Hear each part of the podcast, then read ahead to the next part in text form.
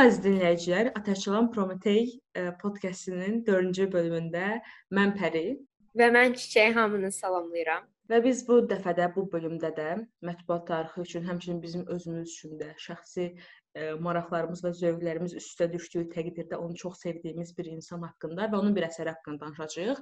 Bu şəxs Əhməd bəy Ağaoğludur. Danışacağımız əsəri isə Sərbəst İnsanlar Ölkəsində adlı əsəridir. Və Əhməd bəy Ağaoğlu və onun ümumi fəaliyyəti haqqında danışması üçün Çiçəyə ötürürəm sıranı. Buyur Çiçək nə deyə bilərsən? Bizi maarifləndir. Deməli Əhməd Bəyoğlu Şuşada həmçinin dərs deyib və ə, belə deyim də Şuşada daha çox məktəblərdə erməni müəllimlər olub və ə, Əhməd Bəyoğlu onların içində yeganə Azərbaycanlı ə, müəllim olubdu. Daha sonra ə, Əhməd Bəyoğlu təhsilini davam etdirmək üçün ə, Sankt-Peterburqa yola düşür. Orda ə, Əli bəy Hüseynzadə ilə tanış olur və orada oxuyur. Ə, sadəcə olaraq bir müddət oxuyandan sonra qərara alır ki, Fransaya getmək istəyir və cibində çox az pulla Fransaya yola düşür. Sorbonne Universitetinin professorlarının mühazirələrini dinləyir və eyni zamanda ə, fransız dilini öyrənməyə başlayır. Bəzi xatirələrdə yazılmışdı ki, ə, Əhməd Bəyoğlu bütün günü əlində ə, tərcümə lüğəti ilə gəzirdi və hər bir sözün fransızca tərcüməsinə baxırdı. Məhz buna görə Əhməd Bəyoğluya Firəng Əhməd deyirdilər. Əhməd Bəyoğlu Kaspi qəzetində məqalələr yazıb. Hacı Hüseyn Abdun Tağıyevin dəvəti ilə gəlib bu qəzetə. Daha sonra Əli bəy Hüseynzadə ilə Həyat qəzetinin təsisçisi olubdu, redaktoru olubdu və 1904-cü ildə Əhməd bəy Ağaoğlu Əli bəy Hüseynzadəyə yazdı ki, əziz qardaşım, artıq bundan sonra mən e, Həyat qəzetinin redaktoru deyiləm və Əhməd Bəyoğlu bundan sonra ə, e, İrşad qəzetini yaradır. Bununla yanaşı Əhməd Bəyoğlu digər ə, e, həmin dövrdə dərc olunan digər ə, mətbuat orqanlarında da məqalələr yazıbdı. Bu gün müzakirə edəcəyimiz ə, kitab isə Sərbəst İnsanlar Ölkəsində adlı kitabdır. Bu kitab ə, Əhməd Bəyoğlu tərəfindən 1930-cu ildə İstanbulda yazılıbdı. Pəri, sözü ötürürəm sənə. Deməli bu kitab Əhməd bəy Ağoğlunun mən mənə gəlir fəaliyyətində ən önəmli yerlərdən birinə sahib əsərlərdən biridir. Ona görə ki, Əhməd bəy Ağoğlu hər nə qədər digər məqalələrində şübhəsiz digər ə, publisistlərimiz kimi nə qədər belə də görmək istədiyi o ideal cəmiyyəti yaratsa da bizə ə, əsas maarifçi cəmiyyət, nə bilim, hər şey yerli yerində, heç bir problemi olmayan utopik bir cəmiyyət fikrini yaratsa da, o cəmiyyəti tamamilə bütün quruluşları ilə, bütün mərhələləri ilə e, belə deyək, tamamlayıb bu əsərin. Və bu baxımdan da bizdə bu əsəri oxu oxuyarkən həmin o utopik cəmiyyətlə bağlı heç bir artıq sual yara yaranmır. Çünki e, qanunvericiliyindən tutmuş, həmin qanunvericilikdə yerləşən punktlara qədər hər şey bu təxminən e, 80 səhifəyə yaxın əsərdə kifayət qədər açıq və aydın şəkildə izah olunur. Deməli, kitabın 13-cü səhifəsində ümumi əsaslar adlanan bir siyahı var ki, onu Çiçək sizə təqdim eləsin və ondan sonra bir daha qayıdaq əsərin ümumi izahına. Ümumi əsaslar altında 3 əsas maddələr yazılmışdı. Bunları oxuyuram sizə. Birinci maddə: Azadlıq dəyərli bir vergidir. Azad olmaq üçün çox dəyərli olmalısan. Fikir təmizliyi, söz təmizliyi və əməl təmizliyi azadlığın əsaslarıdır. İkinci maddə: Tamahlarına yiyə durmayanlar azad ola bilməzlər. Üçüncü maddə. Söz sadəliyi və yaşayış sadəliyi azadlığın şərtləridir. Deməli, ümumi əsaslar Çiçənin dediyi 3 o əsas punktdur və sərbəst insanlar ölkəsinin əsas qanunları isə 14 punktdan ibarətdir və ə, biz bunların hamısını oxuyaraq ə, vaxt itkisinə səbəb olmaq istəmirik. Sadəcə ə, məsləhət görə bilərik ki, ümumiyyətlə bu danışdığımız vaxt ərzində siz bunları özünüz yaxşı bir şəkildə eşidəcəksiniz ki, əslində bu qanunlar nədən ibarətdir. E, deməli burada ə, bəzi belə statlar var ki, onlardan başlamaq istəyərdim, onlarla əsər haqqında ümumi bir fikir yaratmaq istərdim. Əsər belə başlayır ki, öz ölkəsindən qaçıb sərbəst insanlar ölkəsinə gəlməyə çalışan və yaxud ümumiyyətlə yaşamağa bir ölkə axtaran bir insan sərbəst insanlar ölkəsinə gəlib çatır və ondan sonra ona bu ölkədə yaşamağı üçün lazım olan bu indi oxuduğumuz ümumi əsaslar və qanunaməni ona təqdim edirlər. Bundan sonra artıq keçən dövrlərdə hansı ki əsərdə bunun üzərinə yazılıb, keçən dövrlərdə biz artıq orada baş verən hadisələri və həmin insanın bu qanunvericiliyə verdiyi suallar və sorğular əsasında təhlil etmə cəhdləri əsasında onun ölkəyə adaptasiya olması və ətrafda gördüyü, müşahidə etdiyi hadisələrə qarşı ümumi fikrin formalaşması və əvvəl yaşadığı ölkə ilə hazırki ölkənin belə deyək, müqayisə etməsinə müqayisə etməsini izləmiş oluruq. Burada belə bir statı oxumaq istəyərdim. Bu gün bu qədər rahat və sakit olan küçələrdə bir vaxtlar insan qanı aşıb daşıbmış. Gah əhali bir-birinin üstünə qalxmış, bir-birini öldürmüş, oda atmış, başına iç açmış, gah birlikdə qaniçənlərə qarşı mübarizə aparmış, gah yenilmiş, gah da qalib gəlmişlər və nəhayət azadlıq tam yerbəyer olmuşdur. Xalq əsrdən bəri artıq xoşbəxt şəhərdə dinclik və sakitlik içində sevinc dolu bir həyat keçirməkdəymiş. Yəqin ki, indi azad olan və ya özünü azad hiss edən bütün ölkələrin tarixçəsində belə bir ə, hadisə və belə bir ə, məqam heç də uzaq və heç də yad görünmür. Və yenə dediyimiz kimi də əslində ə, Əhməd bəy Ağoğlunun Sərbəst İnsanlar Ölkəsi azadlığı, ləyaqəti, namusu, vicdanı qoruyan və xəbərçiliyi, ikiyüzlülüyü, yaltaqlığı, ə, rüşvəti rədd edən bir ideal bir cəmiyyət, utopik bir cəmiyyətdir və bu cəmiyyət əslində baxsaq, ə, hal-hazırda yenə dediyim kimi qeyd etmək istəyirəm ki, azad olan və özünü azad zənn edən ölkələrin gəldiyi tarixçəni izləyir. Fəqət ə, fərqlilik bundadır ki, ə, belə deyək, çevir çevriliş etdiyi iqtidarın yerinə keçərkən onun elədiyinin eynisini başqa bir ə, 10 il sonra yenidən eləməyə başlayan ə, hakimiyyətdən fərqli olaraq buradakı utopik ə, cəmiyyətdəki hakimiyyət əslində insanların oxuması üçün, insanların maariflənməsi, yaxşı insanlar olması üçün və sərbəstliyin də əslində bu daxili mənəviyyatın gözəlliyindən və saflığından irəli gəldiyini e, müdafiə etdiyi üçün də bu utopik cəmiyyət ə, e, hazırki mövcud olan cəmiyyətlərdən əsasən buna görə fərqlənir. Daha sonra burada ə, e, uşaqlara verilən tərbiyə ə, e, çox maraqlı və çox ə, fərqli bir üslubda gözümüzə görünür. Biz bunu fərqli bir üslubda müşahidə edirik.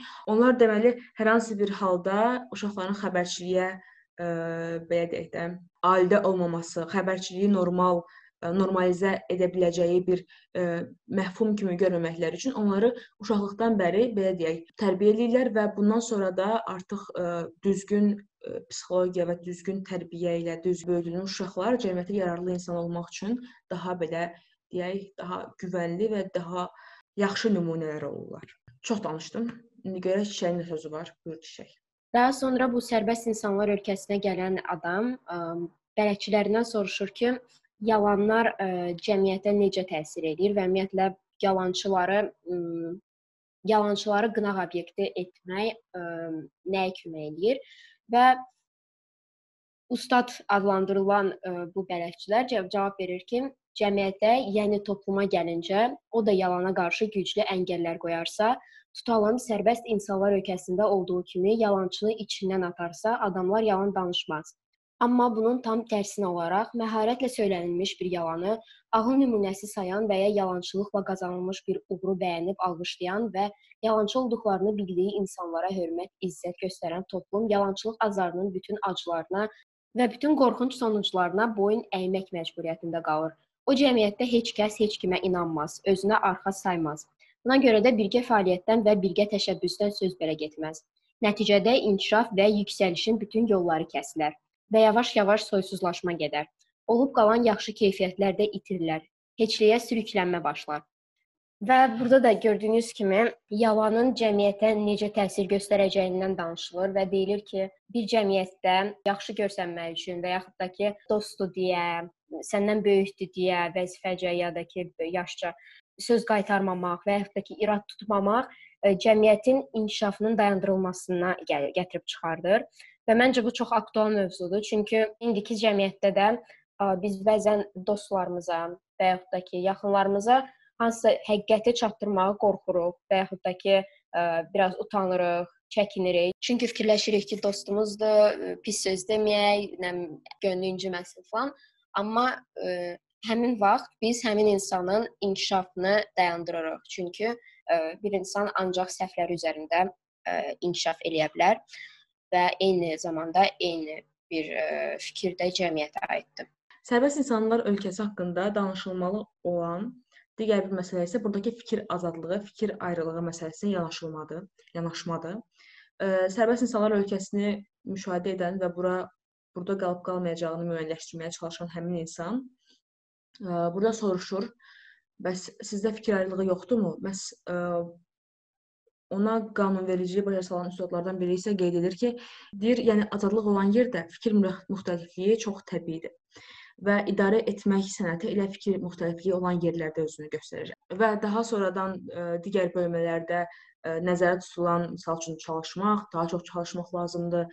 Fikir ayrılıqları, bayaq çiçəyin dediyi kimi tənqid eləmək, təhlil edə bilmək və yaltaqlıqdan xəbərçilikdən qaçmaq və s. və axır. Yəni utopik bir cəmiyyət və yaxud da ideal bir cəmiyyət üçün əsasları göstərir ki, yəni mənəviyyat və düşüncə, zəkanın formalaşması, nəyisə sual, nədənsə sual ə, yaratmaq və o sualın cavabını tapmağa çalışmaq ə, yəqin ki, həm ideal cəmiyyət üçün, həm də insanın bir insan kimi ə, dünyada öz yerini tapa bilməsi üçün biraz çox fəlsəfi oldu. Nəysə, öz yerini tapa bilməsi üçün önəmli məsələlər, önəmli məfhumlardır. Daha sonra onu da vurğulamaq istəyirəm ə, ki, bu kitabda qadın hüquqları məsələsi də ə, öz əksini tapıb. Kitabda qəhrəman mitinq görür, 3 mitinq və və bu mitinqdə qadın da çıxış edir və bu mitinqdə çıxış edən qadın ə, şəhər başçısının ancaq kişilər olmasına qarşı çıxır və deyir ki, necə olur ki, qadınların dünyaya gətirdiyi kişilər ə, şəhər başçısı ola bilər, amma qadınlar ola bilmir və buna qarşı çıxır. Və qadınlar haqqında deməli olduğumuz digər bir şey isə məncə ə, mənim bunu deməyim bir o qədər də kobud səslənməz, amma Azərbaycanlı bir mütəfəkkir tərəfindən Türkiyədə yaşadığı vaxtda yazılmış bir fikir. Əlbəttə ki, 1930-cu il üçün çox irəli görüşlü və çox proqressiv bir fikir olsa da, 2020-ci ildə bunu oxuyanda yenə də bir çox əsərdəki bir çox hallar, bir çox yazılar bu günümüzlə səsləşdiyi halda qadınlarla bağlı olan fikirlərlə mən razılaşa bilməyəcəm.